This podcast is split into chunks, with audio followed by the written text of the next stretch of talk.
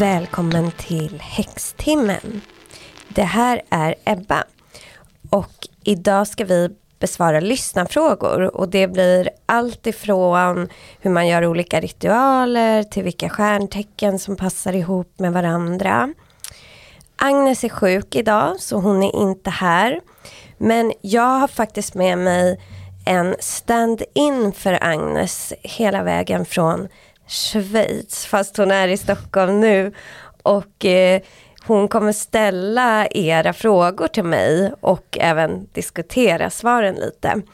Och det är en av mina bästa vänner som är här sedan typ 20 år har vi känt varann. Mm. Hon heter Klara Norlander Wiberg och hon är creative director och yogalärare specialiserad på något som heter inversions. Precis. Hej Klara! Hej Hur mår du? Jo, bra. Jo, bra.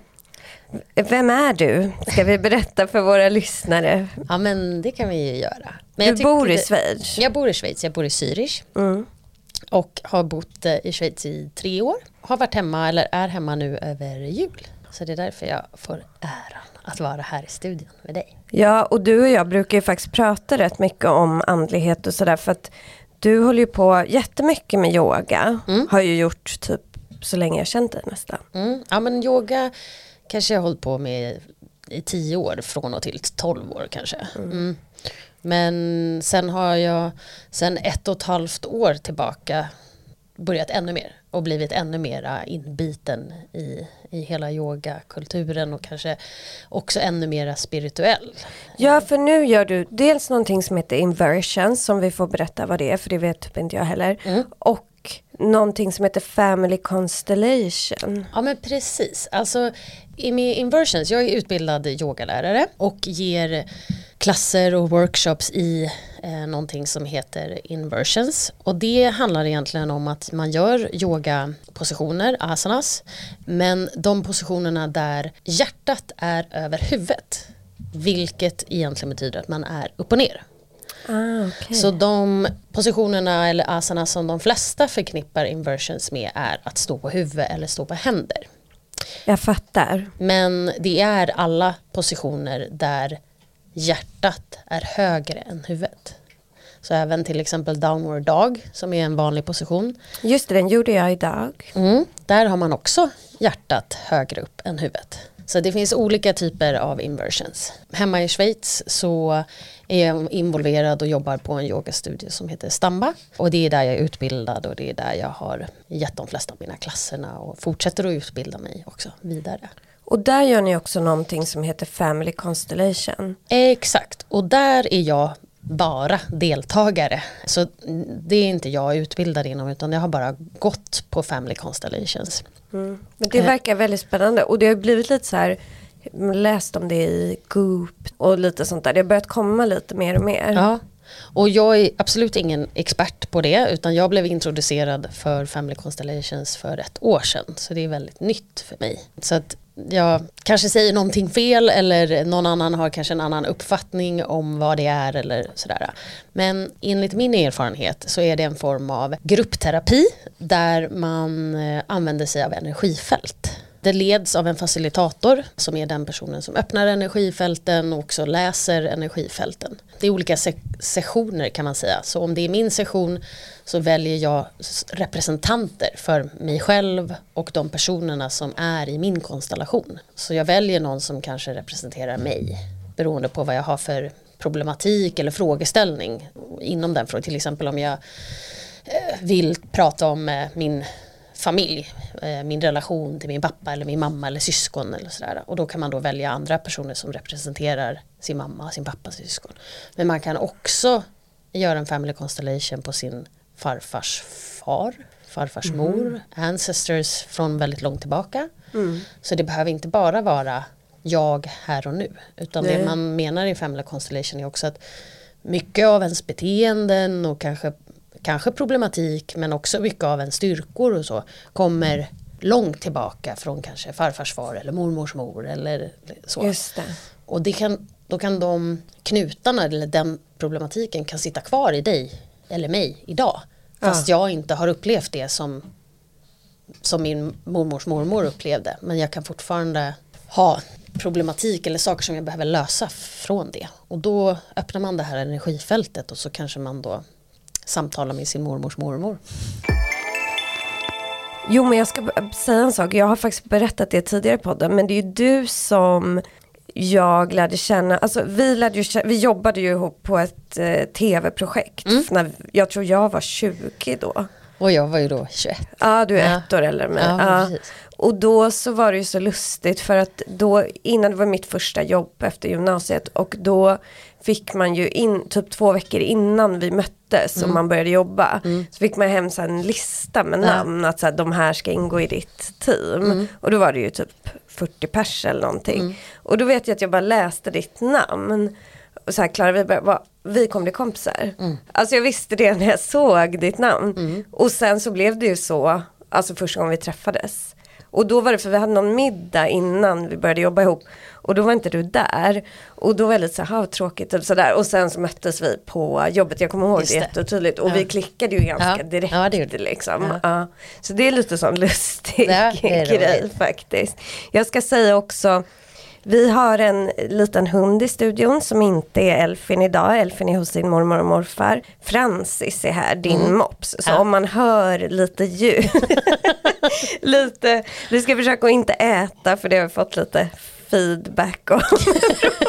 jag blir så sugen på något när jag sitter och poddar men jag ska inte äta. Men eh, om man hör någon som grymtar. eller smaskar eller något. Så är det alltså Då inte. är det Francis. Ja. Men mm. ja, eh, tillbaka till dig Klara också så lyssnarna får veta lite vem du är. Du har, du har ju också Francis då och sen så är du kräfta ja. i solen mm. med lejonascendent. Ascendent. Mm. mm. Och du har, eh, vad har du i månen? Skytten ja. Mm. ja. Är elden där, mm. ganska mycket eld i dig. Men du är eld mest och... luft väl? Ja. Mycket eld och mycket luft. Lite vatten då i och med kräftan. Men, eh, och inget, ingen jord. Nej just det, du har typ noll jord. Ja. ja. Men vilket av de här tecknena, alltså, för det är ju dina stora tre då som vi säger, Big Three, kräfta, lejon och skytt. Mm. Vilken av dem identifierar du mest med skulle du säga? Av de tre tecknena? Ja men eh, jag vet så här, jag har eh, samtidigt som min, den här spirituella resan började för ett och ett halvt år sedan, då började jag intressera mig lite me mer djupgående för astrologi. Eh, så jag är nybörjare där och kan inte det så väl.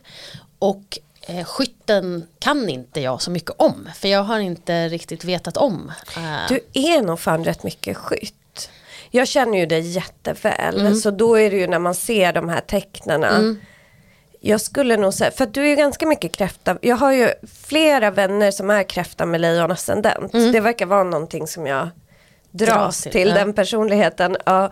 Men och det är ju en ganska hård exteriör mm. med ett väldigt liksom känsligt inre. Mm. Och det har ju du, men då sätter mm. man ju upp liksom skyddet från lejonet på något sätt.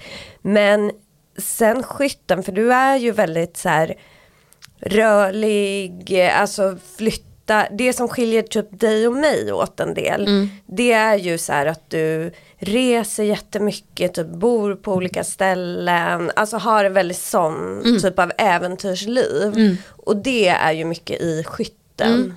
Mm. Mm. Eh, precis, och det har ju jag eh, nyligen fått lära mig. Så, att, men, så därför så när, på frågan vad jag identifierar mig så har jag inte identifierat så mycket med skytten. Vi har inte vetat så mycket om skytten. Så jag har väl egentligen mest identifierat mig med, jag skulle nog säga lejonet. Men sen har jag väldigt många drag från kräfta också. Just när du säger de här äh, mjuk inuti och hård utanpå. Är, ja. är ganska, känna igen mig väldigt mycket i. Innan vi sätter igång så ska jag bara säga att jag har läst så mycket spännande saker idag. Mycket research har jag gjort. Det är bland annat om Venus Star Point som är på lördag. Så jag kommer lägga ut ett litet bonusavsnitt som jag kommer spela in idag efter vi är klara. Om Venus och Venus Star Point för det är så sjukt spännande. Alltså Venus bana, jag kommer förklara det här mycket mer. Venus rör sig i relation till jorden i en bana. Man kan säga att den rör sig runt jorden men egentligen rör den sig runt solen. Men om, när man tittar på den banan som den rör sig i då bildar den dels en, fem, en ros med fem blad. Ja, jag ska visa bilder sen, jag kommer Va? lägga ut det på Instagram. Och eh, två pentagram. Alltså ett stort pentagram och ett litet pentagram inuti det. Och det här är ju symboler för, alltså Venus är ju gudinnan Venus. Ja. Och rosen är en symbol för Venus, alltså kärlek, eh, skönhet, eh, liksom romans och sådär. Och pentagrammet är ju en av våra mest så här, uråldriga magiska symboler. Och också en symbol för gudinnan. Och då finns det något som heter Venus Star Point och det sker typ två gånger om året ungefär. Och det sker nu på lördag. Så att jag kommer göra ett bonusavsnitt om det här som jag lägger ut. Med, och där jag förklarar det här och lite om mytologin och sådär varför det är så coolt. Och sen så vad man kan göra på lördag.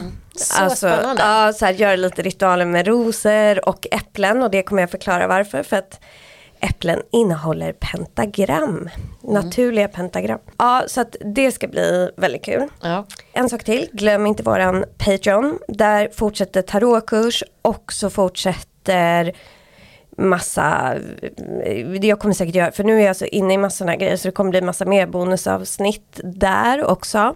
Och vi är så tacksamma för alla Patreons. Klara, ja.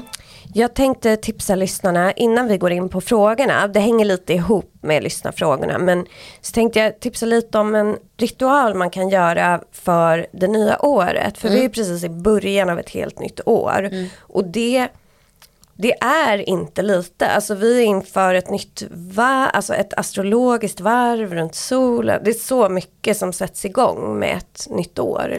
Och vi får Så det är inte energi. bara eh, någonting vi har hittat på, eh, liksom att vi startar upp ett nytt år. Nej, alltså vid midvintersolståndet, det är ju egentligen några dagar innan vårt nyår, så påbörjar ju solen liksom en ny, alltså solen föds igen. Vi kommer så långt bort från solen som det är möjligt.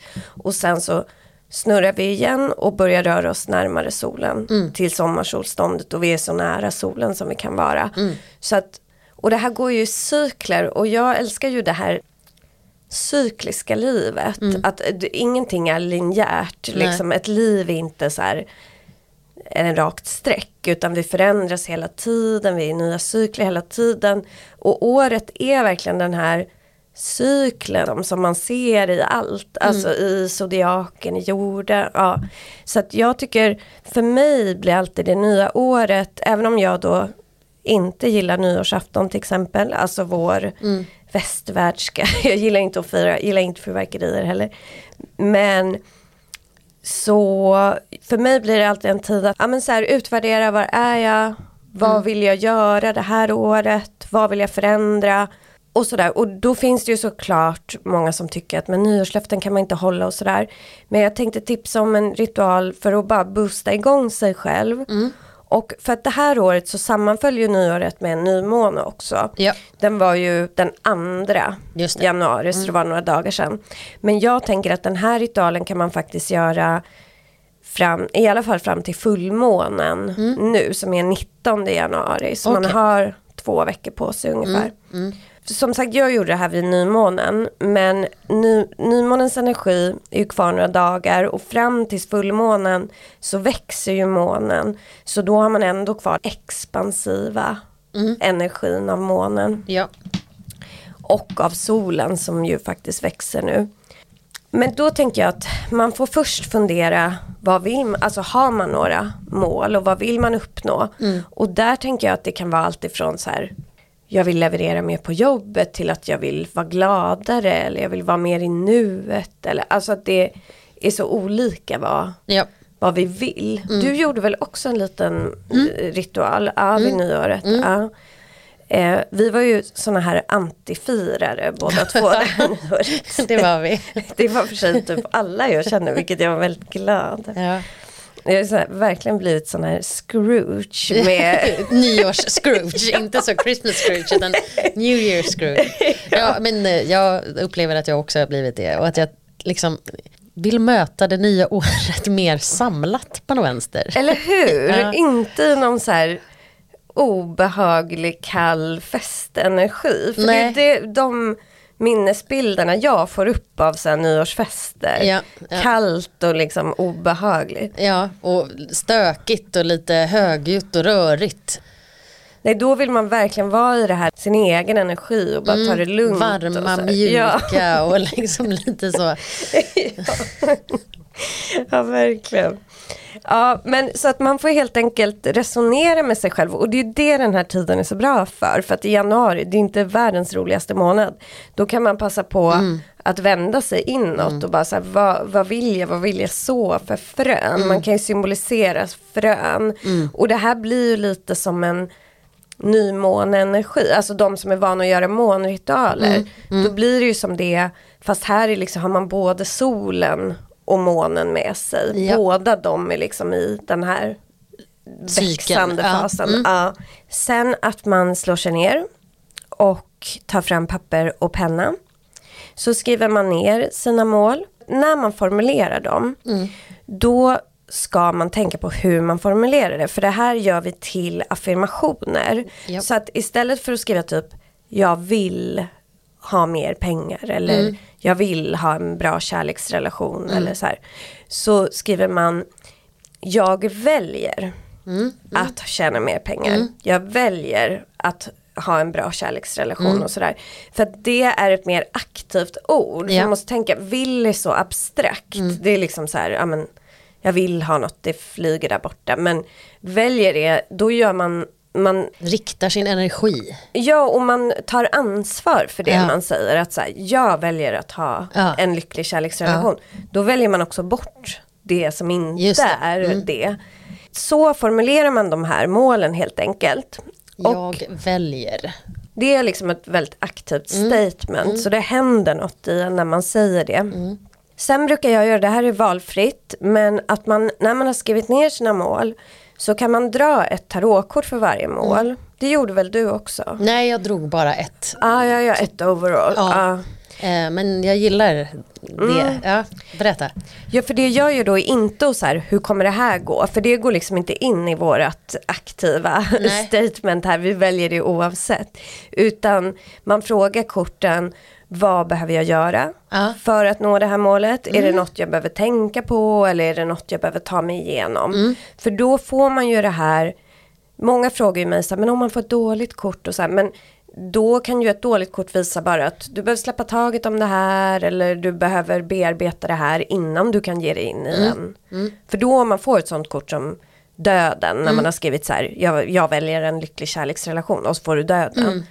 Du behöver släppa någonting, Ja. du behöver transformeras Ja. och då kan du börja jobba med det. Mm. Lite så var det ju för mig. Ja. Eh, eh, för det kortet som jag drog eh, för året. Jag drog då typ åtta i svärd. Ja, exakt. Ja. exakt. Och då så frågade jag ju dig. Ja, jag bara, ja. Ebba det här är ju inte alls något bra. och då sa ju du just det, att det, det handlar om att eh, frigöra sig själv. Och då kände jag så här, ja det är klart det handlar om att jag ska frigöra mig själv från alla, allt som limiterar mig. All, allt, eh, alla mina egna tankar som limiterar mig. Allting som jag gör som limiterar mig från att nå min fulla potential. Det är verkligen det. Och åtta i svärd är ett sånt roligt kort för det är mitt så här, tänk på det här nu Ebba, alltså när jag får det, om jag drar dagens kort eller kring någonting, då ser jag det alltid som en påminnelse till mig själv, inte att något negativt ska hända utan att jag stoppar mig själv i någon mening eller att jag tänker negativt eller destruktivt på något sätt. Så då ser jag det som en uppmaning till mig själv att läpp det där nu eller alltså man fokuserar på något dåligt. Så det, och det är en ganska kraftfull bild, det är en kvinna som står omringad av svärd. Exakt. Men då ska man ju tänka på att svärd står ju för luftenergi, det står för kommunikation och Ja. det både kan vara andras kommunikation till oss eller vår inre kommunikation, våra tankar, Ja. vår inre röst. Och då ställer vi upp den här begränsningen runt oss med de Just det. svärden. Men för att jag läste ju fel först. Eh, Jag Ja. läste så här åtta i stavar. Och den Ja, det jag bara, woho! Det var så här skitpositivt. Så bara, hur hänger den här bild? Exakt, för det var det då, då när du bröt om den här bilden. Jag bara, ser lite deppig ut den här bilden. Och sen så bara, ja det är inte stavar, det är svärd. Och så bara bläddrade jag och så här, jaha. kände jag mig helt besviken. Men då, Ja, ja nej, men det är verkligen bara en uppmaning. Det här behöver du tänka på. Men för jag gjorde också en sån, när jag gjorde ett mål så fick jag tre i svärd och det Alltså men då hade jag just frågat vad behöver jag göra och då blev det väl, tre svärd är ju ett hjärta genomborrat av eh, svärd. okej. Men då kände jag ju bara så här, ja jag vet vad det är, jag behöver ta en, ett svårt beslut för att kunna gå vidare i det här och så. Sen när vi har skrivit våra mål och det här rimligt för att man ska kunna liksom klara det här så kanske man inte ska ha typ 80 mål utan det kanske ska vara fem stycken eller två eller men ja, någonstans där. Men sen så då så brukar jag, för att så här, någonting jag har hört väldigt mycket, både genom kompisar men också när jag har tarotläsningar och träffar klienter. Det är ju att det är väldigt många som har negativa tankar och begränsande tankar och det kan jag ju också ha, även om jag tror, för jag har jobbat så mycket med det, att jag har ganska positiva tankar. Men och då tycker jag ett jätteeffektivt sätt som är både psykologiskt och lite andligt. Det är ju att använda affirmationer för att programmera om sina tankar. För att våra tankar är ju så här repetitiva. Så om vi har alltid tänkt att det blir aldrig bra för mig. Då liksom spelas det upp som ett mantra i vårt huvud. Och då kan man använda positiva affirmationer som är då tvärtom. Att det går alltid bra för mig. Eller jag förväntar mig att saker ska gå bra. Eller sådär. För att förändra vårt sätt att tänka. Och då så kan man göra så att när man har skrivit de här målen. Då sätter man sig ner så tänker man lite på sina tankar. Och hur de låter. Och så tänker man finns det något i det här som begränsar mig att nå de här målen eller något jag vill förändra. Alltså om man har skrivit att jag väljer att tjäna mer pengar och sen har man något tankemönster som är att jag kan aldrig tjäna pengar eller jag är alltid så dålig på mitt jobb. Alltså sådär, då behöver man ju förändra det. Så då skriver man positiva affirmationer utifrån det här och sådana som ska försöka få en att nå de här målen. Och då kan det vara allt ifrån att jag är positiv, jag förväntar mig att det går bra för mig kärlek, jag förväntar mig att människor tycker om mig, eh, alla mår bra runt mig, sånt där. Och så skriver man ner de här och väljer, där kan man välja lite fler, kanske antingen bara några stycken eller tio stycken eller någonting om man vill. Sen så gör man små lappar, både av de här målen och av sina affirmationer. Och de här lapparna ska man läsa varje dag. Så att målen tycker jag man kan läsa en gång i veckan. Men affirmationerna ska man läsa varje dag. Minst en gång, gärna fler. För att det här upprepar vi för att det ska fastna i vårt huvud. Så absolut minst en gång varje dag. Och gärna då att man står i spegeln och läser de här för sig själv. Och som en första grej kan man göra att man ställer sig i spegeln, mediterar lite, connectar med universum och läser upp allt det här högt inför universum. Men det jag undrar över, varför ska man alltid stå framför spegeln? För det är ju ganska många grejer som säger så här, innan du ska öva på ett tal eller någonting, stå i spegeln. Eller det är ju ganska vanligt det här bara, jag är stark, jag är, alltså du vet så här, och så Ja, står man och tittar sig själv i spegeln. Vad är, vad är liksom poängen med spegeln skulle du säga? Ja men det tror jag är just för att man ska säga det till sig själv. Du står ju och pratar med dig själv i spegeln. Sen är det, det här kanske man inte måste göra i spegeln men jag tror att det är bra för man liksom ser sig själv i ögonen. För i de här affirmationerna kan det ju också vara att man säger jag älskar dig Ebba, du är bäst. Och då liksom ser man sig själv, man vill inte bara säga det ut till tomheten. Nej, okej. Det blir som ett samtal med sig själv. När man säger det till universum, när man säger det till sig själv, är en del i ritualen. Om man vill förstärka det ytterligare kan man lägga det i en liten ask som man målar faktiskt ett pentagram på eller någon annan, något annat sigill eller så som man hittar. Man kan söka på magiska sigill eller magiska runor eller så kan man måla det på och välja då någon som passar med ens mål, liksom någon som drar till en positivitet eller så. Och så har man dem där. Men sen så släpper man inte det här utan man jobbar med det här hela året. Mm. Och så får man checka in med sig själv kanske varje nymåne och se hur går det för mig? Behöver jag justera något av målen? Lägga till något? Ta bort något? Och sådär. Mm. Så man får justera under resans gång. Ja, gud ja, för vi förändrar ju oss. Mm. Och det kanske förändrar det man är ute efter. Mm. Eller att man tycker att man uppnår något fortare än vad man... Mm. Och sen kan man, och då tycker jag att nymånen är en bra tid. För det är ju det här att vara i naturens och universums cykler. Mm. Det är ju så naturligt för alla vilda djur, för naturen, för alla. Men vi människor har liksom tappat det. Mm. Och det är ju det man kan hitta tillbaka till när man jobbar med månen eller med årshjulet Mm. som då är nu det här att vi är i, i mörkret just nu. Vi ska inte agera hela tiden nu Nej. i januari. Vi ska lända oss lite inåt för att det är hela naturen sover. Björnarna ligger och sover, de käkar inte ens. Man får ta det lite lugnt nu. Och samma med nymånen är liksom när nymånen är då får man titta inåt och planera och sen växer det framåt. Mm. Okej. Men om du ska sammanfatta eh, ritualen då?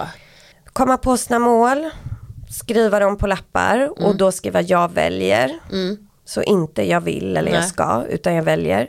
Sen göra små affirmationer utifrån det. Mm. Positiva affirmationer, alltså jag är positiv, det går bra för mig, jag tror på kärlek, jag tror på lycka och så vidare. Lägga dessa i en ask eller en påse eller någonting. Mm. Om man vill förstärka det, måla något magiskt sigill på, kan Mm. räcka med ett pentagram. Och sen läsa de här för sig själv. Varje dag och sen checka in med sig själv Varje varje, nymåne. nymåne. Ja, justera dem om man vill. Ja, härligt. Like it a lot. Ah, kul. Mm. Påminner det om den ritualen du gjorde? Nej, Vad gjorde du då? Du skrev mål och jag, jag skrev, eh, jag- först mediterade jag, för det brukar jag tycka är ett bra sätt Ja, att gud ja, det ska man gärna göra. bara rensa skallen lite. Och också se vad som ploppar upp, för jag är ju den typen av meditatör så att det blir ju liksom aldrig tyst i min skalle. Men det kan vara också, för mig, jag tycker att det ofta är lite intressant vilka tankar det är som ploppar upp och jag brukar titta på de tankarna och säga, aha, varför kom det det här just nu och sådär. Och, så, Verkligen intressant. och se liksom om det kanske är någonting jag behöver ägna mig åt. Så med det sagt så är det inte, eller jag tänker inte att det är dåligt att det flyger omkring massa tankar. Nej, utan jag det försöker bra. Ja. snarare ta tillvara på det. Och det är där det måste jag säga, för alla säger jag kan inte meditera, det blir inte bara, jo det kan du och det, är inte, det måste inte se ut på ett sätt. Nej. Eh, så jag mediterade och sen satte jag ner mål. Så det var ju liknande. Sen drog jag ett kort från en jättefin kortlek. En Meta och Ebba Tarot. Meta och Ebba Tarot. ja. Ehm, ja, och sen läste jag fel och trodde att det var åtta i stavar, blev jätteglad. och sen så förstod jag att det var åtta i svärd och då blev jag lite ledsen. Och då smsade jag dig och då blev jag glad igen. Ja, vad bra. Ja, för det stämde ju, det kändes som att ganska mycket stämde in på dig. Ja, Åtta, alltså inte så att det stämmer Nej, in men- på dig, men vissa av de grejerna som Ja, du går igenom. Ja, och just det här med frigörelsen. Alltså jag, för mig är det egentligen väldigt positivt. För man frigör sig från saker som inte är gagnar en. Alltså tankar som inte gagnar en, beteenden som inte gagnar en, energier som inte gagnar en. Det är som att städa. Alltså det är super, jag tycker det är väldigt härligt. Ja, och apropå det så är vi ju nu i Pluto, alltså vi är ju Venus retrograd, men också är vi väldigt mycket olika Pluto-energi. Och Pluto och Venus har haft en konjunktion som vi har gått igenom. Och Plutos uppgift är ju det där, fast kanske på ett väldigt brutalt sätt. Men Ja. att bränna bort Ja. det som inte är bra, Ja. eller typ döda oss för att vi ska liksom återuppstå till något annat. Alltså Ja. bildligt talat. Ja. Och ibland fysiskt så att man vet aldrig. Det är ju en farlig planet kan man tycka. Men lär man sig att handskas med dess energi Mm. så är den ju väldigt kraftfull och givande. Så att det där går helt rätt också i just ja, men det vi pratar om att man ska vara i flödet. Det har varit en sån energi runt oss. Mm. Faktiskt specifikt kring relationer, kärlek och så i och med att det har varit kopplat till Venus.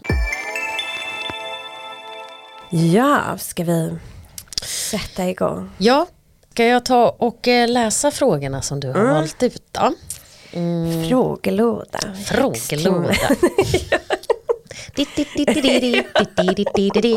Mysigt. ja, det Ska jag, måste säga en sak om Klara. Klara är faktiskt programlett i MTV också. Mm. jag med. Sean Banan. Ja, ja, det var på Nickelodeon. Ah, Men jag, har, och, men jag har Nickelodeon. också gjort på MTV, men det var inte med Sean Banan. Okej, ja men då ska jag börja med att läsa upp frågorna. Och då som du nämnde så är det, eh, det här är delen Astro då, som vi startar på. Ja. Det var mycket astrofrågor. Mm. Och då så är det många som har undrat vilka stjärntecken som passar ihop. Och hur vet man vilka man passar ihop med? Ja, och det där som sagt, det var väldigt många olika frågor om detta. Och då frågade folk typ så här, jag är lejon, passar jag med fisk? Alltså sådär väldigt mycket. Så då tänkte jag att vi går igenom lite så basics för hur man kollar på kompatibilitet i astrologi. Och så man förstår lite så här basic. Och då, då är det ju först så att zodiaken är ju indelad i fyra element. Det är ju luft, där vi har tvilling, våg och vattuman, som jag är.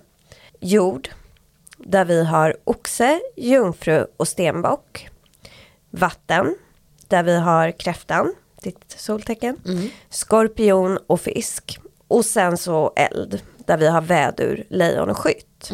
Så att alla tecken tillhör ett element. Och då kan man om man ska vara väldigt generell, då kan man säga att eld passar ihop med andra eldtecken och med lufttecken. Och samma sak då för luft, att luft passar med andra lufttecken och med eld. Så att luft och eld går ihop. Jag brukar tänka på en sån där som mina föräldrar hade när jag var liten, sån där som man blåser på brasan. Ja, just det. Ja. Att man blåser luft så blir elden liksom ännu större. Och Just det, just det. Luften driver på elden Ja. så att det blir jättemycket eld. Men vad ger eldluft då? Ja det vet jag, värme, väldigt Ja, ja. ja, du, ja. Men och sen så, sen då passar jord med andra jordtecken Mm. och med vatten. Och så samma sak tillbaka, vatten passar med andra vattentecken Mm. och med jord. Och där sa du en fin grej till mig, kommer jag ihåg, en gång när vi pratade telefon, att om man tänker jord och vatten tillsammans så blir det lera, Mm. skapar lera. För där kan man ju tänka då att vatten, eller jord behöver ju verkligen vatten Mm. för att må bra och sådär. Och så då kan man tänka också, behöver till exempel eld och vatten passar ju inte alls. Nej. Mm. Alltså vatten släcker ju elden. Och det sa faktiskt en kille till mig som jag dejtade, eh, som vatten, eller jag är ju eld, alltså jag har ju mest eld i min chart även om jag är vattuman. Mm. Och han hade mest eh, vatten i sin chart även om han var jord då. Mm. Så då, och då sa han så här, aha så jag släcker elden. Och det var ju ganska insiktsfullt. Alltså han släcker min eld, han tar över liksom. Och samma sak med jord och eld är ju inte så kul. Alltså Nej, elden det. bränner ju sönder jorden. Luft borde ju för sig passa med alla men det gör den inte. Nej. Men det där är ju lite, det är bara för att man ska kunna tänka, ha något i huvudet liksom. Så att ja, en stenbock, vad är det? Det är ett jordtecken, passar alltså med kräftan som är ett vattentecken till exempel. Just det. Men sen är det ju inte så här enkelt för vi alla har ju tre tecken att ta hänsyn till. Alltså vi är ju både vårt soltecken, vår ascendent och vår eh, måne. Och sen såklart massa andra tecken. Men det är kanske de där tre som man ska ta mest hänsyn till. Alltså när man kollar sådär först. Och såklart Venus. När man då tittar på det här då får man titta lite hur man lever. Och sen så får man tänka Dels vilket känner jag mest igen mig i? Mm. Vilket tecken? Eller, Ja, vilka av sina stora tre? Och lite vad har man mest i sin karta? Alltså har man, du har ju mest luft, har ju vi pratat om, fast du då är kräfta. Jag har mest eld, fast jag är vattuman. Så att för mig skapar inte det någon konflikt i och med att luft och eld, jag är ju fortfarande håller ju mig inom luft och eld då. Men för dig blir det lite knepigt, för du är ju vatten i solen, men du har mest luft. Så att du kanske ska in i eld och luftskrået av människor. Vilket skrå tillhör du? ja. nej, det får det vara. men, nej, men, men jag tycker att månen är viktig här. För om man tänker på vad en relation är så är den ju mycket bakom stängda dörrar. Alltså ascendenten, det, kanske det, det är ju det man först ser. Typ vem är du när du går på fest? Då är man ofta sin ascendent.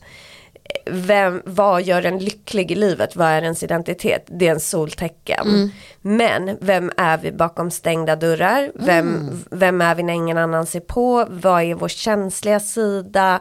Vår emotionella natur? Det är månen. Ja, vad intressant, jag har inte tänkt på det på det sättet. Men det var ju ett bra sätt att se på det. Ja, och funkar då inte vår måne med den andra partners mån, alltså med sin partners måne, då kan det uppstå problem. För att måste man gå på fest ihop? Nej, kanske inte. Ens identitet, givetvis viktigt, men man kan ha olika jobb, man kan ha olika intressen. Men kan man inte vara hemma tillsammans och liksom dela sin emotionella natur, då kanske man inte har så mycket till relation. Och bygga på liksom. Nej, Ja. så att jag tycker att man ska kika ganska noga på vad man själv och den andra personen har för måne. Och det är inte så svårt att ta reda på måntecken heller. Ascendenten är ju det svåraste eftersom man måste ha exakt klockslag för den ändras ju typ var femte minut. Månen ändras ju kanske var tredje dag ungefär, varannan var tredje dag. Så bara man vet när någon är född så kan man ofta ta reda på dens måntecken, alltså lika okej. lätt som stjärntecken eller som soltecken. Och då om man själv är en vattenmåne, då ska man ju gärna ha en vattenmåne. Måne, Du som är skytt, i, alltså ett eldtecken i månen. Du kanske passar bäst med någon som också har en eldmåne eller ett luftmåne som gillar fart och fläkt och förändring. Jag som har en oxmåne, där skapar ju det lite för att för mig blir det lite svårt där. Eller jag behöver ju någon som har en jordmåne. Jag behöver ju egentligen ett eld eller lufttecken i typ sol och ascendent kanske. Men som har en jordmåne. För jag behöver den här stabiliteten, tryggheten och så i det inre. Så. Så att, ja. Och det är lite knepigt för att ofta om man är då luft och eld som jag är i sol och ascendent.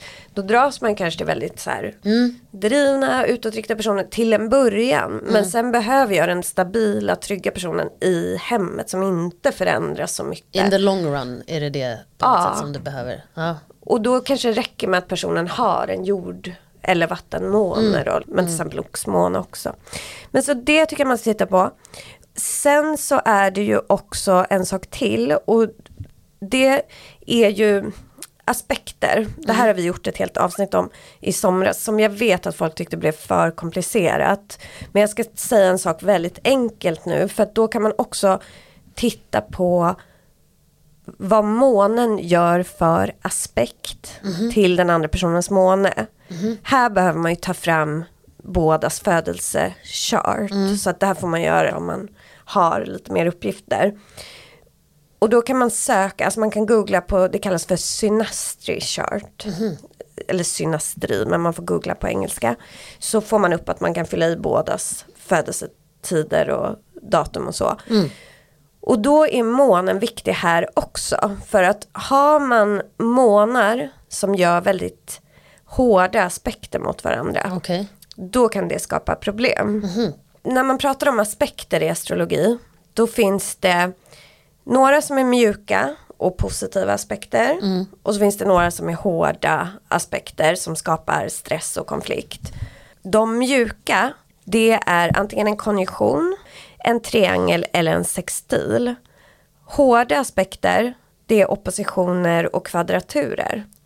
Om ens månar har hårda aspekter mot varandra då kan det skapa friktion och så här, en kyla mellan två personer.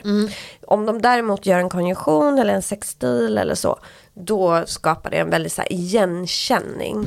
Tycker man kan känna, jag träffade en kille som träffade förra året, vi hade en konjunktion mellan våra månader.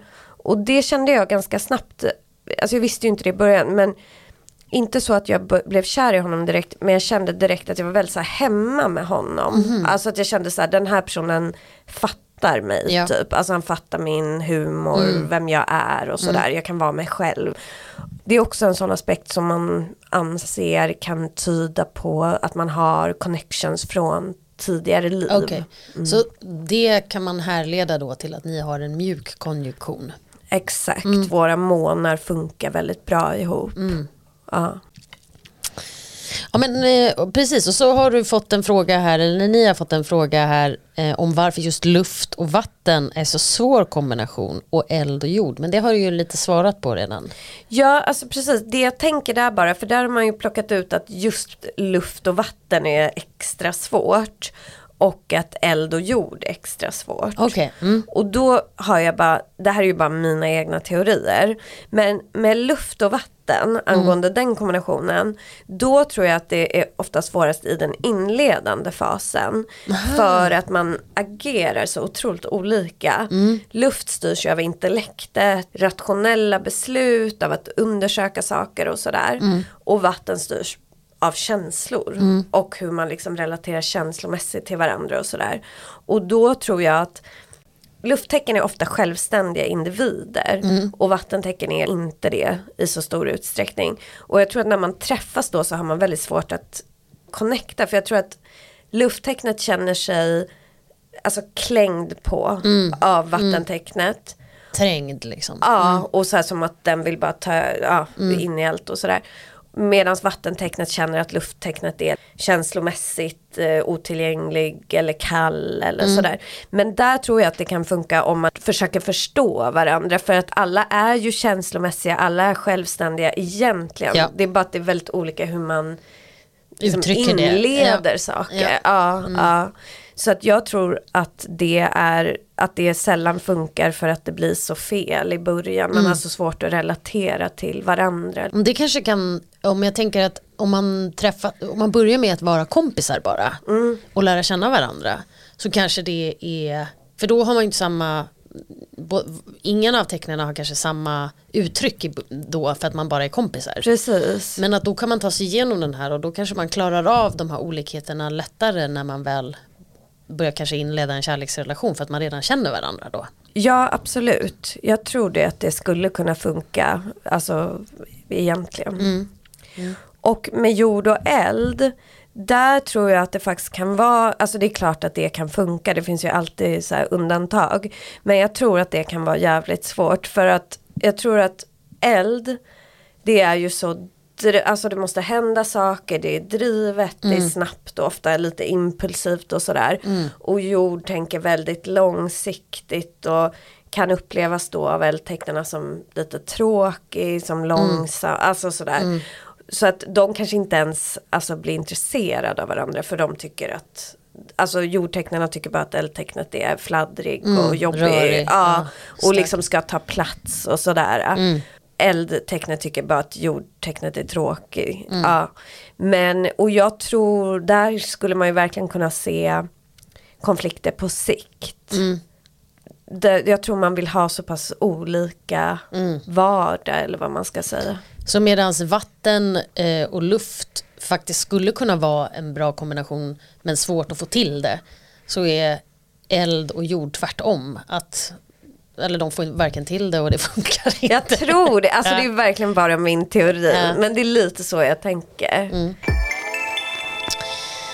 Ja, säg, kan, är det en person här som undrar om du skulle kunna säga någonting om varje tecken med dina egna ord?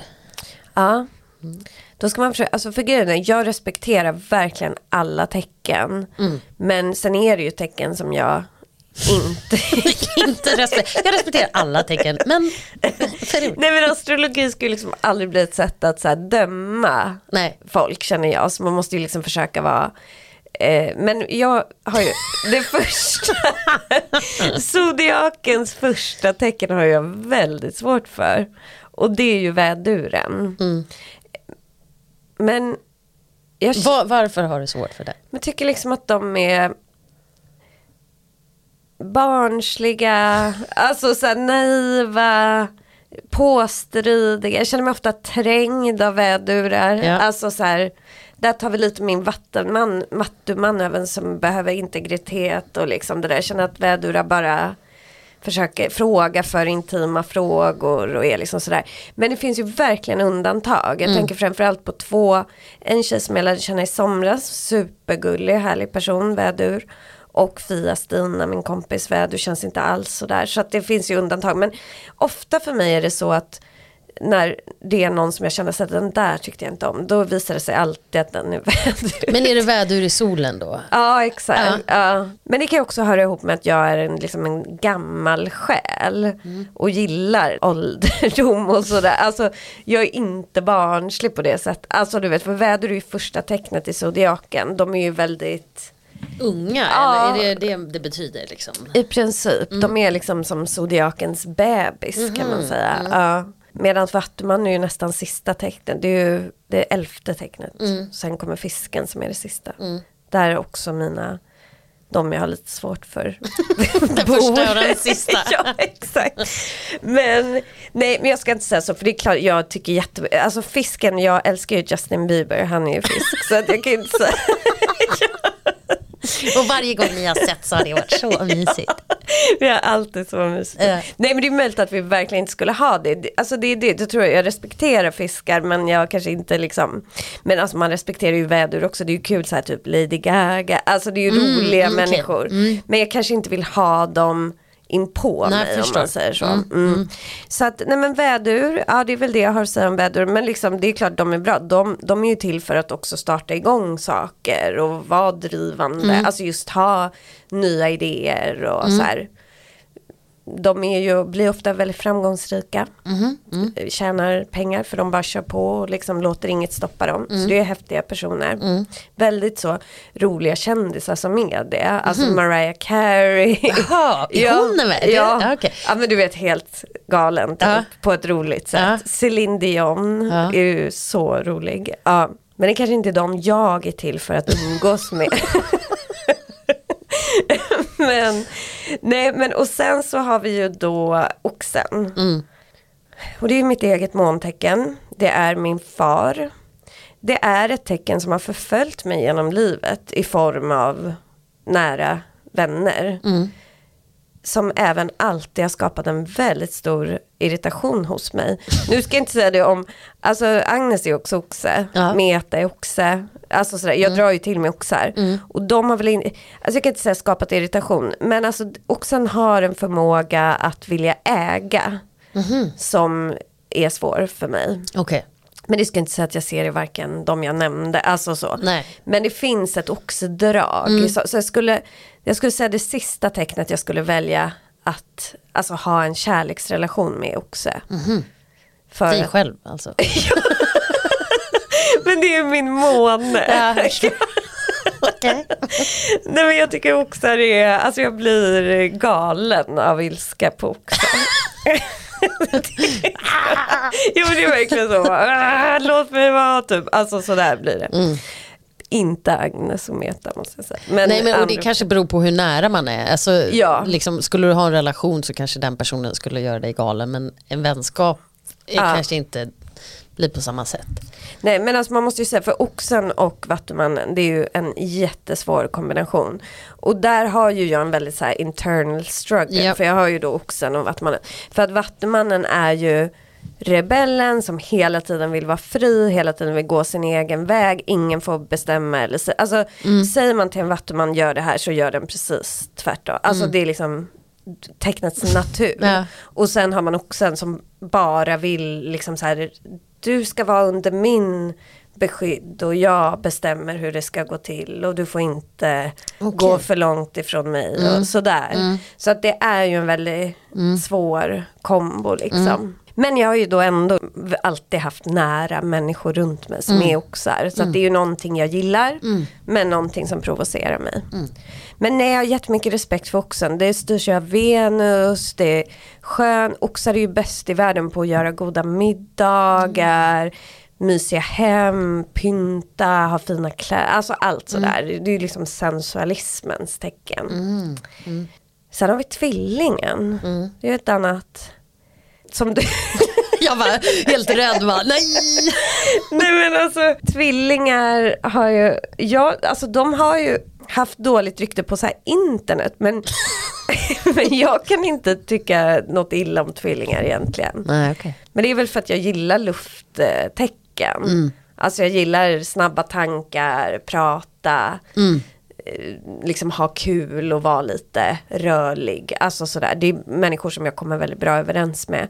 Det som kan vara negativt mot tvillingar, eftersom vi säger, nu får inte folk känna sig roastade, jag måste ju säga något om vad jag kommer säga om Vattumannen också och så.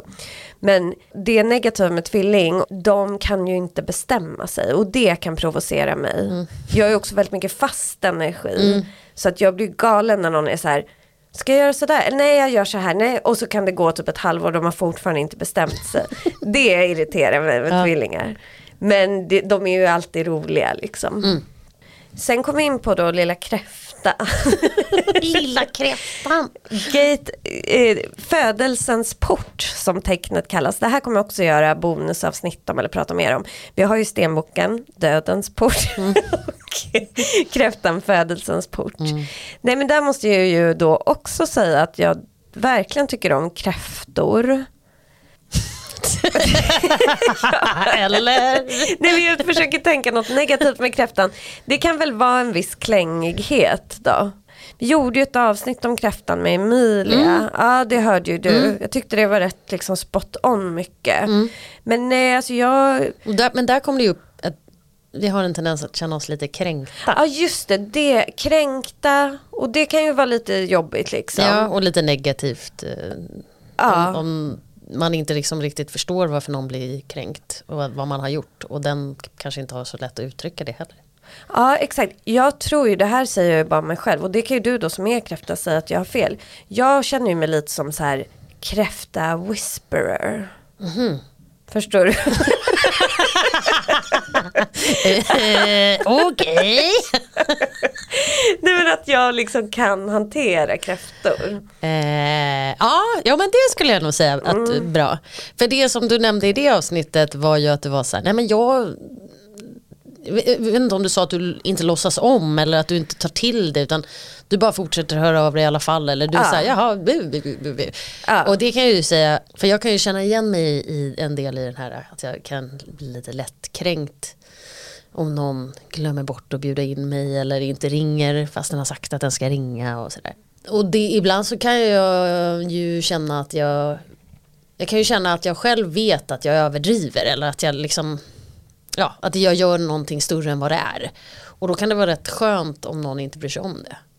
Ja men eller hur. liksom, för att jag kanske bara, jaha, nej, ja, du ringde inte. Och sen som du bara är så här, nej jag glömde bort. Men du, bla bla bla. Ja. Då kan jag ju tycka att det är lite skönt att jag fick säga, säga det men du gjorde ingen big deal av det. Eh, för det kan ju vara någon annan som bara, men sluta håll på och så blir det helt plötsligt en konflikt. Precis för det är det jag tror, för jag har ju sett det eftersom jag har då, för jag har faktiskt, nu blir det som, men man har ju vänner i alla tecken. Men ett tecken som sticker ut som där jag har liksom många vänner, det är ju kräftan, det pratade vi om tidigare i avsnittet. Och där ser jag på dem att de har mycket mood swings och liksom sådär. Och blir lätt sura. Och jag kan ju känna ibland så här, nu är den sur på mig eller så. Men just att jag då väljer att så här, jag kan säga till ibland så här, skärp dig nu. Eller liksom så här, ja ja det är lugnt typ. Men att man inte, för jag ser hur andra människor reagerar. Att de blir så här, jävlar vad jobbig hon är nu. Eller liksom så här, nu är hon vill bråka om det här. Och, alltså sådär. Att jag försöker liksom att bara så här eh, ja, men inte ta så hårt på, inte gå in i de där Nej. grejerna. För det kan jag tänka, det kan man göra med vissa människor, att man väljer att inte gå in i det som är jobbigt utan man tar det bra av vänskap, av den personen eller vad man säger. Och det där tänker jag vet, mycket på i en relation. Jag behöver en person ännu mera i en relation. Alltså min partner behöver vara väldigt mycket så som du är. För att många gånger mm, så kanske det bara blir eh, saker som jag säger eller jag blir irriterad eller som du säger jag har någon humörsvängning, jag blir sur eller ledsen. Och om den personen då alltid nappar på det så blir det ju väldigt mycket konflikter. Så jag skulle verkligen behöva vara med en partner som inte nappar på det. Ja precis, det tror jag många kräftor skulle behöva för annars blir det nog väldigt mycket tjafs och bråk. Och jag tänker att min, för att om jag var bara vattuman då skulle nog ni kräftor känna liksom att nej men det är för kallt. Det, den här relationen håller inte. Men i och med att jag har min oxmåne så tror jag att kräftorna ändå känner liksom en trygghet i mig på något sätt. Att jag liksom ändå är stabil eller jag är kvar eller alltså sådär. Mm. Ja men spännande. Nej men jag, jag tycker om kräftor mycket och så. Kräftor är ju, ska beskriva, ja men känslosamma, väldigt connectade med månen, med det andliga, ofta spirituella, ofta ja, djupa, ofta kreativa tycker jag man ser. Alltså mycket konstnärliga människor. Även oxen, oxen är ju många konstnärer som är. Men och sen lejonet, zodiakens konung. Och din och min ascendent. Mm. och jag är ju faktiskt signature Leo. Det är ju, eller lejon, det är ju mitt starkaste i min karta. Vi kommer gå in på det lite sen hur det funkar. Men ja, lejon är ju kul. Och, eh, ja, jag dras nog väldigt mycket till lejon. Jag har ju varit gift med ett lejon. Tror egentligen att de enda relationerna jag har haft som har fungerat, alltså kärleksrelationer, har varit med lejon. Och det är nog för att det är liksom det fast, jag behöver eld och så behöver jag det här fasta. För det är ju det också som är det här att man inte är rörlig. Alltså eller, ja. Och jag har eh, goda vänner som är lejon. Mycket ett tag var det att jag hade så otroligt mycket lejon runt mig så jag dras nog till lejon liksom på ett ytligt plan också. Kanske inte lika mycket så nära vänner som är lejon men liksom folk runt mig har mycket varit lejon. Jag har en god vän nu som är lejon och jag tycker lejon är väldigt, många tycker att lejon är bara så här ska vara i centrum eller ska vara, men jag tycker faktiskt det är verkligen tvärtom. Jag tycker att lejon är så här extremt bekräftande och uppmuntrande och alltså när man har en lejonvän så har man en person som alltid är så här ja men du Som ser den. Ja och är så här, nej du är bäst och du är liksom, alltså man får så otroligt mycket så här, de ger så mycket bekräftelse och så här uppmärksamhet och kärlek och så. Så jag tycker inte alls det där stämmer att de bara vill vara i rampljuset. Nej. Sen är det ju kul med folk som liksom vill synas och höras eller inte är rädd att prata och sådär. Så jag har inget emot lejon. Många tycker ju att lejon det kanske är störiga men jag har helt annan bild av det. Vad tycker du om lejon? Men jag gillar nog också lejon rätt mycket. Ju, de, jag tycker de ofta är roliga att vara omkring som du säger. Det händer ju mycket och det blir festligt. Jag har inte riktigt tänkt på det här att de är ganska bekräftande men det kan, jag, jag, kan, jag kan se det i det. Liksom. Ja, ja. Att ja. de liksom bekräftar sig själva men de bekräftar också andra. Ja och liksom väldigt generös. Det är ju typ ett nyckelord, så här, väldigt generös tecken. För då är de ju generösa med beröm och med... Ja exakt. Ja. Så det tycker jag är väldigt härligt. Sen kommer vi till jungfrun. Mm. Där kan jag säga att det inte sticker ut som folk jag har runt mig. Nej. Utan snarare tvärtom. Jag har en god vän, Sofia Dalén, som är jungfru. Men hon är nog den enda skulle jag säga. Sen är ju min mamma jungfru. Och min mamma är ju jungfru i liksom nästan alla tecken. Så det är ju lite speciellt. Men alltså jungfrun, vad ska jag säga om den? Väldigt pålitlig, ganska uppoffrande för, av sig själv. Jag har läst någonstans att jungfrur ofta är väldigt vackra. Ja, det kan Både män och kvinnor är att de har ett eh, Jo men det känns ju rimligt. Det är ju ett väldigt feminint tecken och f- det feminina är ju ofta det som är det vackra. Kanske personer som tar ett steg tillbaka på något sätt. Alltså om du förstår, som du pratar om lejon att de är väldigt syns och sådär. Så tänker jag nog på jungfrun att den liksom verkligen inte är en centrumperson. Utan snarare någon som liksom lite så här står bredvid på något sätt. Samtidigt är ju Beyoncé jungfru. Alltså det finns ju en otroligt rolig, Liv Strömquist gör ju så här små seriestrips på Instagram om varje stjärntecken. hmm, det har inte jag sett. Ja, du måste kolla de är väldigt roliga. Men, nej, men då har hon delat upp, men de är ju taskiga. Men då har hon delat upp jungfrun i tre dekaler. För man kan ju vara så här född i början, född i mitten och född i. Okej. Och då är det Beyoncé, Dr. Phil och Prince Harry. Och då menar hon så här, då är det, hon kallar dem för den präktiga jungfrun. Är det Harry eller? Nej jag tror det var Beyoncé. kanske Beyoncé och Dr. Phil var den självgoda jungfrun. Det är den som ska berätta för alla Mansplainer. hur det är och sådär. Och sen så var det den velande jungfrun. För det är väl prins Harry som lämnade, jag kan inte Ja, men han, skillnaden på dem. han är väl, bor väl i USA. Ja det var han med- som var så här, ska jag fortsätta vara prins eller Exakt, inte? ja. Och tänk. Men, och eh, eh, Beyoncé var då den som bara är så här, för det är ju, alltså Beyoncé är ju rolig men hon är ju bara så här helt perfekt. Är hon Alltså, rolig? Alltså, Just det, och det var också i den att de gör listor. Och så var det så här, en jungfru lämnar dig aldrig, alltså som partner. Nej. Men the downside av det är att du får ett olidligt tråk. Med listor och planering. Jag skriver också jättemycket listor. Ja. Men, men jag tänker att Det gör min mamma med. Men, ja, skriver men- du inte listor? Jo, det gör, jo, det gör väl alla. Ja. Ja, men det är ju mer sådär att jag skriver typ en lista varje dag som slängs bort. Alltså Ja. jag sitter ju inte så här och bara... Men, Som Beyoncé. hon bara- ja, nej, men kolla den livsstilen, för att alla var roliga men just Jungfrun var så jävla rolig. För också Dr. Phil är ju verkligen så här, bara, sitter och berättar för någon gammal knarkare typ att säga du har gjort fel här. Bara, ja, vi vet. Sen har vi vågen som också är lite av en sån här blank spot för mig. Me- Fast nu ska jag inte säga, för att jag fick kritik, jag sa nämligen det en gång i podden och då hörde min faster då, ja. av sig och bara, både jag och din kusin är jungfru, eller våg. Så att jag har absolut eh, vågar i mitt liv. Men då tänker jag, alltså för dem, det är min lillkusin och eh, min faster och de är ju bara så här snälla och liksom härliga människor. Men då blir jag så här, det kan inte vara att Det är typiskt vågen. Nej men för vågen känns, ja men du, alltså jag har nog inte som, jo men jag har ju då släktingar, kära släktingar som jag tycker jättemycket om, som är väldigt så här trevliga att umgås med. Men jag har nog inte så många vågkamrater. Nej. Aldrig haft en kille som är våg. Men en av mina favoritkändisar, Usher, är ju våg. Men där kan jag ju se på Usher, han kan dra åt det tråkiga hållet ibland. Alltså att Okej. han bara är så här välklippt liksom.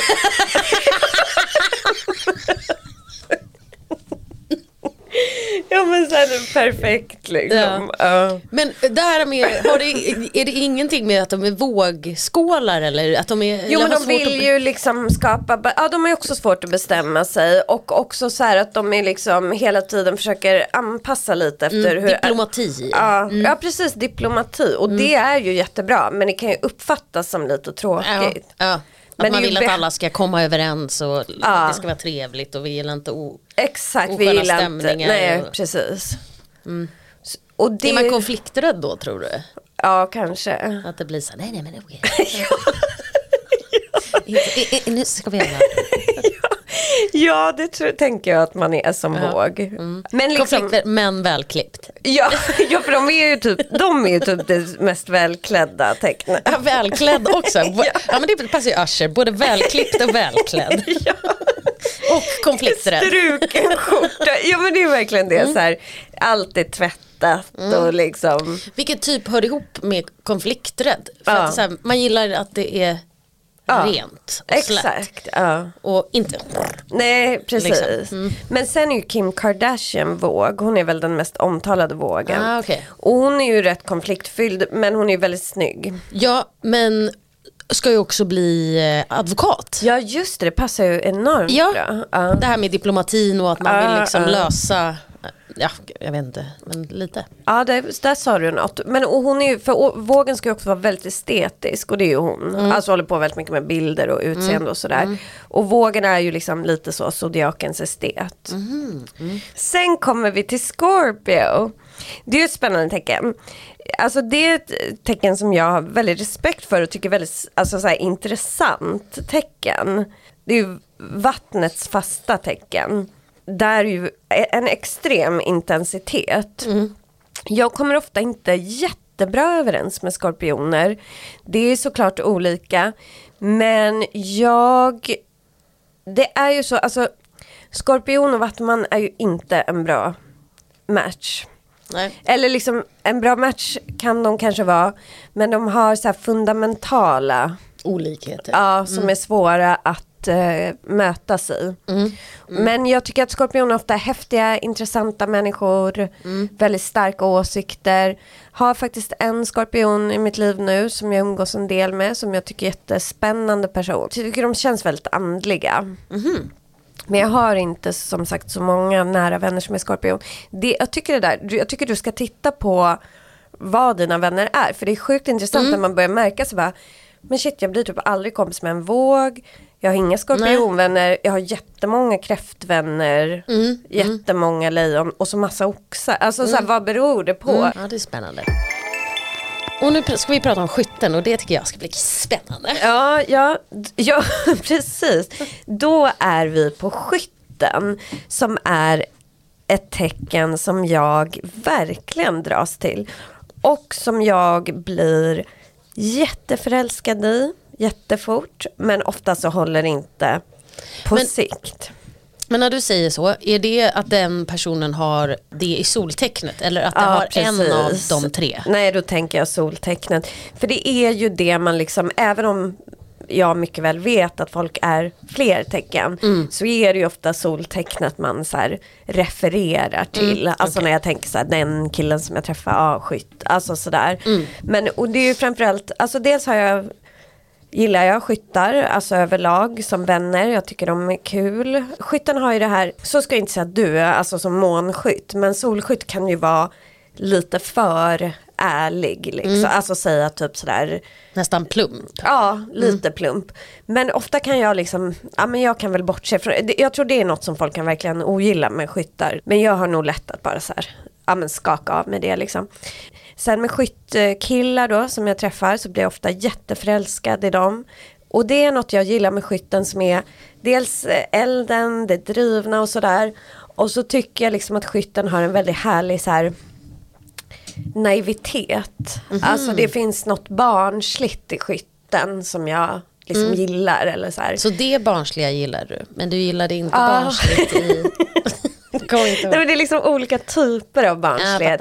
Väduren är ju det här att bara liksom bara, jag ska göra det här, här är jag och typ, alltså världen är öppen för mig. Lite sådär på något sätt. Medan skytten har något mer, ja men lite så här, allt är möjligt och allt kan hända. Alltså sådär som jag dras väldigt mycket till. Men med det sagt så har jag ju aldrig haft liksom någon lyckad kärleksrelation med en skytt, alltså så här på lång sikt. Och det är ju det skyttar är kända för, att vara dåliga på relationer eller att stanna kvar i relationer och sådär. Men jag har ju däremot långa vänskapsrelationer med skyttar som jag uppskattar väldigt mycket. Men just med skyttkillar så har det blivit det här att jag blir väldigt förälskad i dem först men sen så avtar det rätt fort. liksom. okej. Men jag gillar väl dem, alltså jag gillar den yttre bilden av skytten och såklart den inre med de jag, vännerna jag har. Jo men så jag gillar skytt mycket. Vad känner du för skytt? Det är ju ändå ditt måntecken. Mm. Alltså vad jag känner för några skyttar eller vad jag känner för skytten. för tecken. Eller om du känner någonting alls. Nej men alltså, jag skulle gärna egentligen typ vilja veta lite mer om skytten. det, alltså, ehm, Men det alltså skytten är ju det rörliga eldtecknet. ja för den, det jag har förstått också med skytt är att de kan växla mellan stort och litet tänkande väldigt snabbt. Alltså översikt och sen detalj och sen översikt och detalj. Intressant, det har jag aldrig hört. Men ja, jag kan tänka mig det. Och att eh, också tänka ganska snabbt så ibland så kan det vara så att eh, man säger någonting och så hänger inte de andra med för att man har liksom tänkt det och inte sagt det och man ligger redan tre steg före. Det kan Eh, jag tänka mig. Det är väl typ det jag vet om skytten. Två tecken som i kärleksrelationer har lite så här dåligt rykte. För att de är dåliga på just kanske Committa. Skytta. Ja exakt, det är ju tvilling och skytt. Mm. Det, är ju därför, det är ju typ bara därför de tecknarna har fått lite så här att folk, ah, Mm. dumma skyttar, alltså sådär dumma tvillingar. För att de är, kanske ghostar folk Mm. eller alltså sådär. Perfekt kombination då att ha så här kräfta och skytte. Klängig och eh, kan inte Ja, committa. Bara, exakt. "Oh, oh, oh." Ja men där är ju du lite som jag Ja. Mm. med oxe och vattuman. Alltså att man har väldigt stora motsättningar i sin person. Mm. För då blir det på något vis att det som gör dig lycklig som är din identitet är att så här committa och vara väldigt Mm. känslig och så här. Men ditt inre vill hela tiden vara i rörelse och sådär. Mm. Ja men det var också intressant. att du sa- Men jag ser verkligen väduren och skytten som helt olika. Båda är ju eldtecken. De är ju inte så olika egentligen. Men jag ser liksom de som så jag ska inte vara så hård mot väduren. För det finns absolut vädurar jag gillar när jag tänker så här. Alltså jag gillar ju det här som då kanske både skytten och väduren har. Det kanske är naiv men inte ur negativ bemärkelse utan mer liksom. För jag tycker väldigt tråkigt med folk som är så här bara. Nej det där går inte. Nej. Alltså som Ja. vilket tecknet som vi ska komma in på härnäst. Stenbocken är mästare på. Men alltså jag gillar ju det här liksom när folk är bara så här. Oh wow vad kul. Alltså så. Och det där finns ju väldigt starkt i. Ja i både skytten och väduren tycker jag. Mm. Är det det som gör att skytten är li- lite äventyrlig? Ja. Att den är så här, ja men vadå, vi kan väl åka hit, eller? det Ja. låter spännande, gör det här. då." Mm. Ja men precis och liksom hela tiden också det finns väl något behov, alltså någon rastlöshet och något liksom behov av att det hela tiden händer saker som det finns i alla rörliga tecken. Vi kommer förklara det senare i, alltså på senare frågor, det här jag säger rörlig och fast och så. Jag tänker att många vet det men alla har inte koll på vad det innebär. Men som sagt, de rörliga tecknarna som är tvilling och skytt och faktiskt jungfru och fisk, de har svårt att liksom committa till saker. Alltså det behöver hela tiden hända grejer och sådär. Så att, ja, nej men skytten är ju ett speciellt tecken. Men ett av dem jag skulle säga att jag gillar mycket. Sen kom vi in på stenbocken, dödens port. Så, Ja, det- som jag, Fast. som min älskade hund, är stenbock i soltecknet. Jag la upp nämligen på vår Instagram när vi bad om de här frågorna, för väldigt många frågor om stenbocken och det är ju för att det är ju faktiskt stenbockssäsongen just nu. Det är ju Just det. Capricorn season, januari.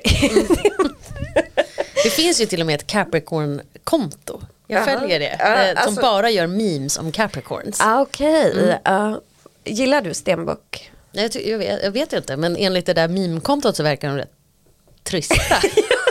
men jag vet inte. Och jag tycker att Instagram är den korrekta källinformationen. Men Ja men för grejen är om man om skytten och tvillingen får kritik för att vara liksom lite för roliga, eller Ja. ska säga, så får ju stenbocken kritik för att vara för tråkig. Liksom. det är ju Men grejen är att stenbocken, för att jag la upp att så här, stenbocken är min olyckliga kärlek, det var ju lite överdrivet för det kan ju skytten också vara. Men, men det finns en grej, för jag gillar, jag gillar en sida av stenbocken.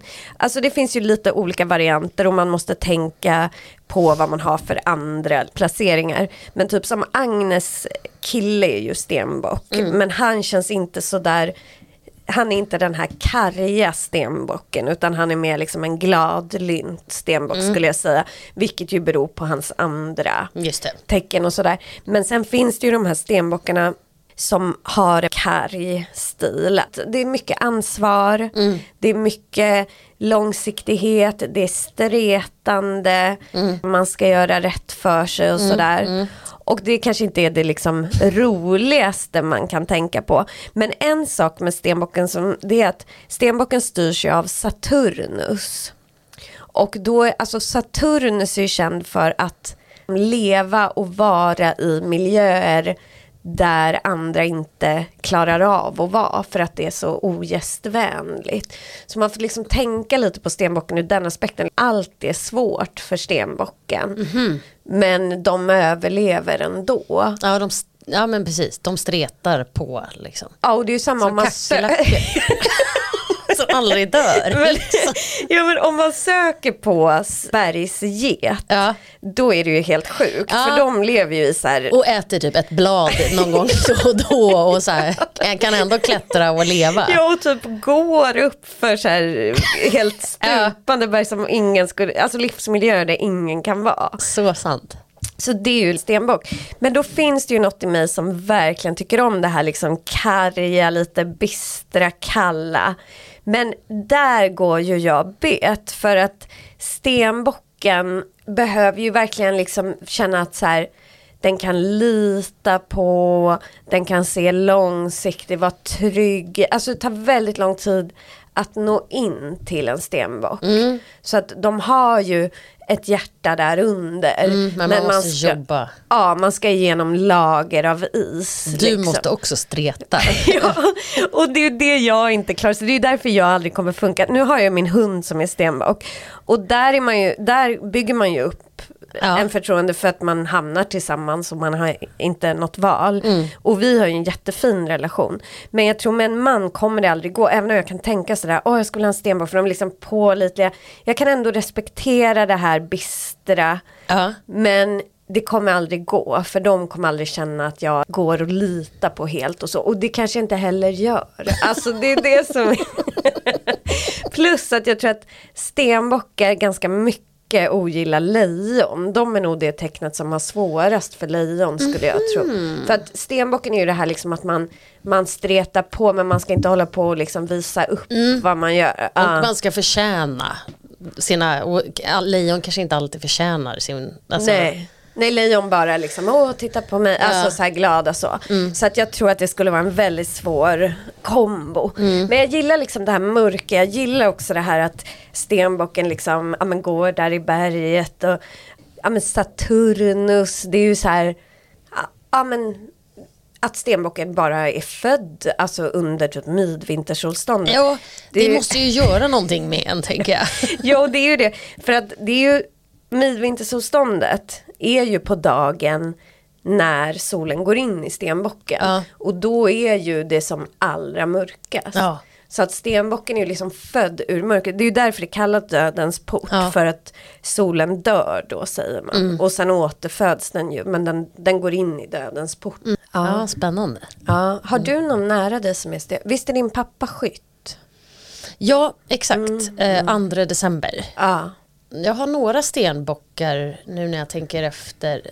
Jag har en som jag verkligen är stenbock. Alltså inte det här eh, tråkiga utan men det här stretande och det här jobbar hårt och liksom alltså gör det de ska och gör sin duty och liksom är ganska praktiskt och har här praktiska lösningar som gör saker och ting lite enklare istället för att typ strunta i att diska så bara, men lägg den i en, en, så här varmt vatten så löser sig maten i alla fall upp medan någon annan kanske bara ställer den och så. Alltså sådär. Så liksom ganska, Ja, ja det är ju väldigt regelstyrt. ja. Men det är också, alltså det är ju inte så, för jag säger, ja jag respekterar det här men jag blir också irriterad. jag dejtade ju en stenbock under året och det var ju verkligen svårt. Ja. Han var ju verkligen, alltså han var ju stenbock i sol, måne, Oj. Merkurius och Venus. Oj, ja, han var fan Ja. stenbock i allt. Ja. Och det, alltså, jag gillade ju verkligen hans personlighet. Men jag insåg att jag gillade den liksom kanske inte för mig egentligen. Mm. Alltså jag gillar nog den mer på håll.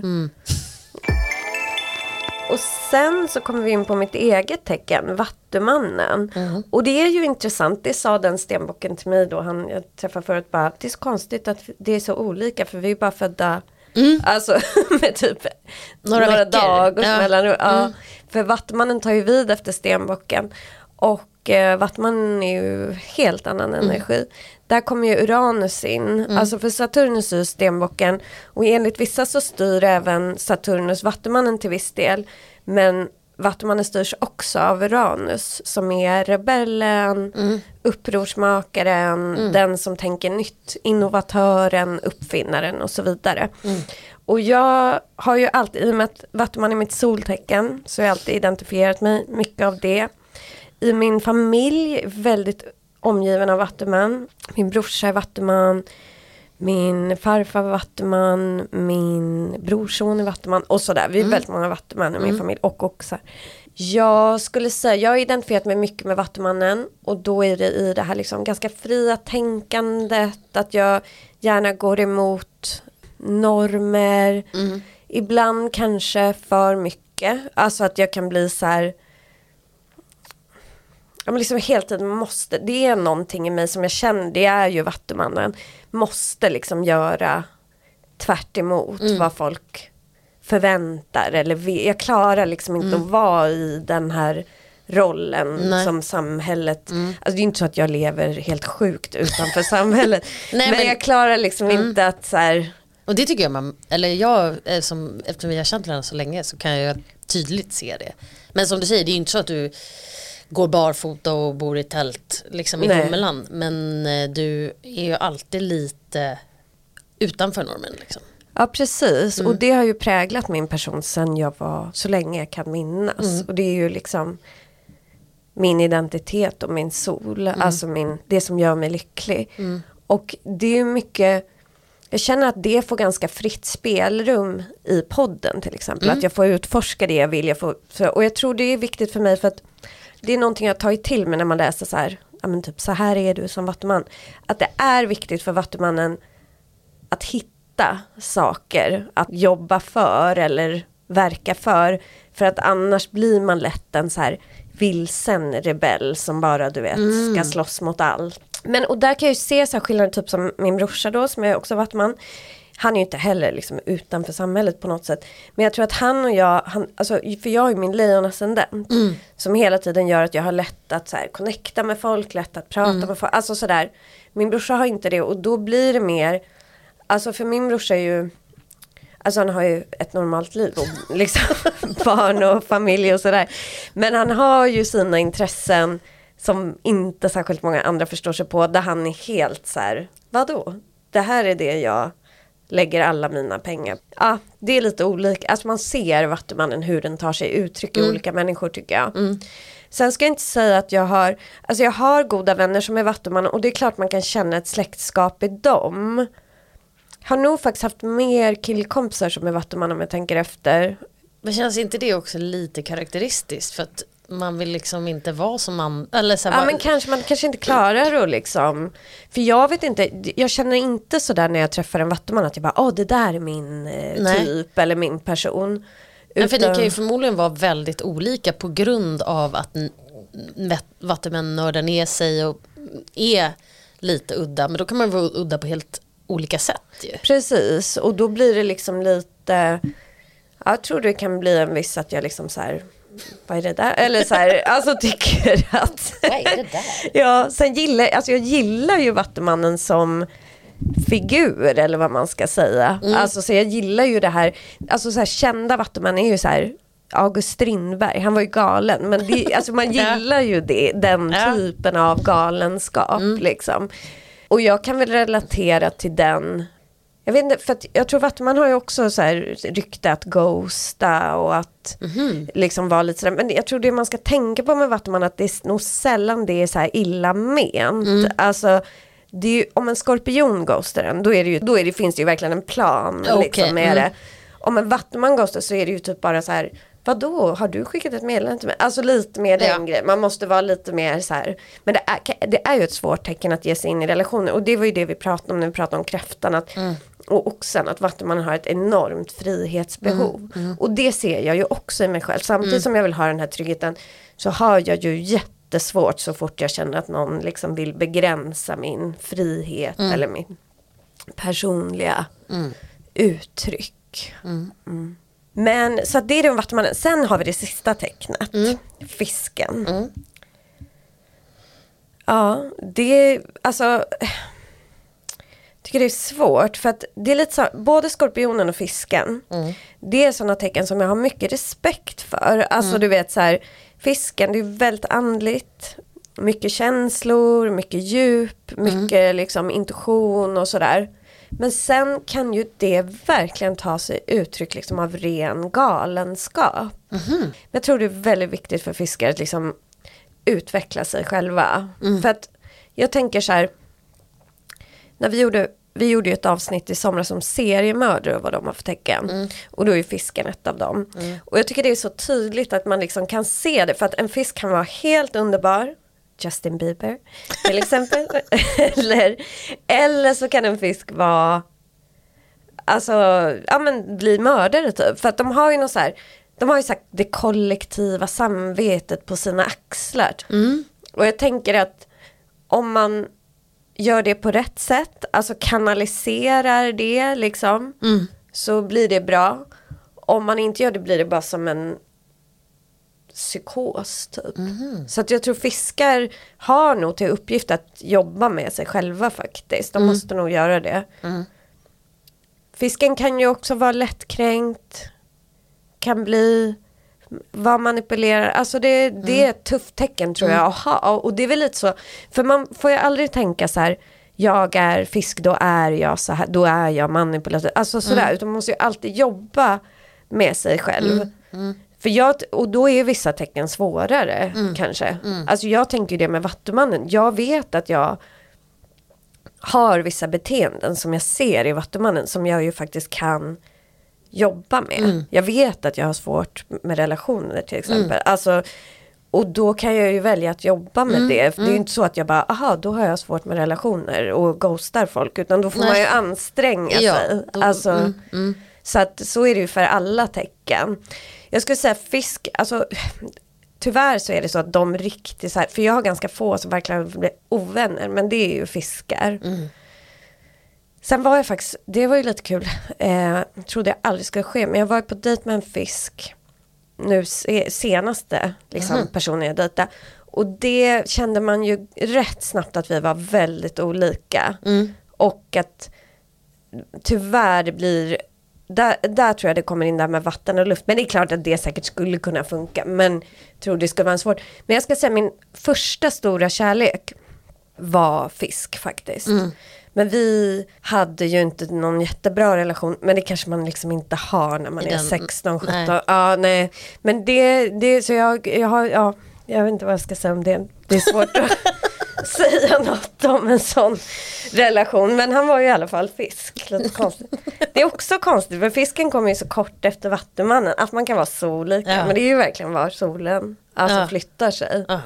För att jag tycker ju Vattumannen, fisken och stenbocken är ju så otroligt olika. För vissa vill ju förklara astrologi med så här, ja men man är född i den årstiden och så här. Och det har ju med årstider att göra. Men det är ju så skiftning i årstid. För det är ju verkligen exakt datum så är man så olika. Ja men då har vi gått igenom alla tecken. Ja. Hela zodiaken. Ja. Ja. spännande. Ja, Hoppas inte väldigt- jag har trampat någon på tån. För jag gillar verkligen inte det där.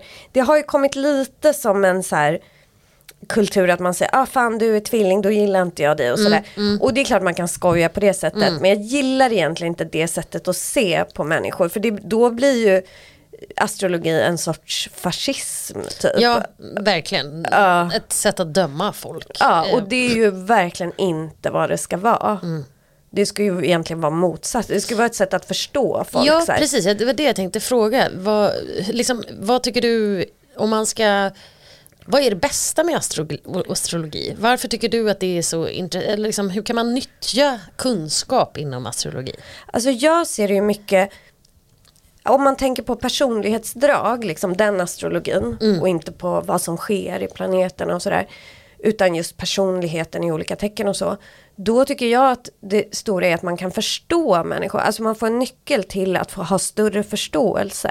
Så här, jag vet att du är kräfta, jag vet att du är känslig och har det här behovet av liksom eh, närhet. Och då, då kan jag förstå det bättre. Samma om någon är fisk, då vet jag att den här personen kanske inte har det aslätt. Den har en helt så här tyngd på sina axlar. Jag kan förstå det på ett annat sätt.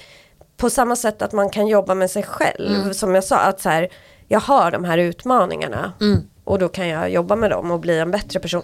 För alla kan ju vara en så kallad evolved version av sitt stjärntecken, alltså en utvecklad version. Så man är inte fast i någonting. Och jag är ju aldrig så att jag bara, nej hej du är väder, då vill inte jag vara med dig. Utan det är mer att jag bara tänker, okej den har de här dragen även. Så om jag träffar en vädur som jag tycker jättemycket om då, då kanske jag blir så här, jaha den har också vädursdragen men de är inte så de uttrycker sig på ett annat sätt.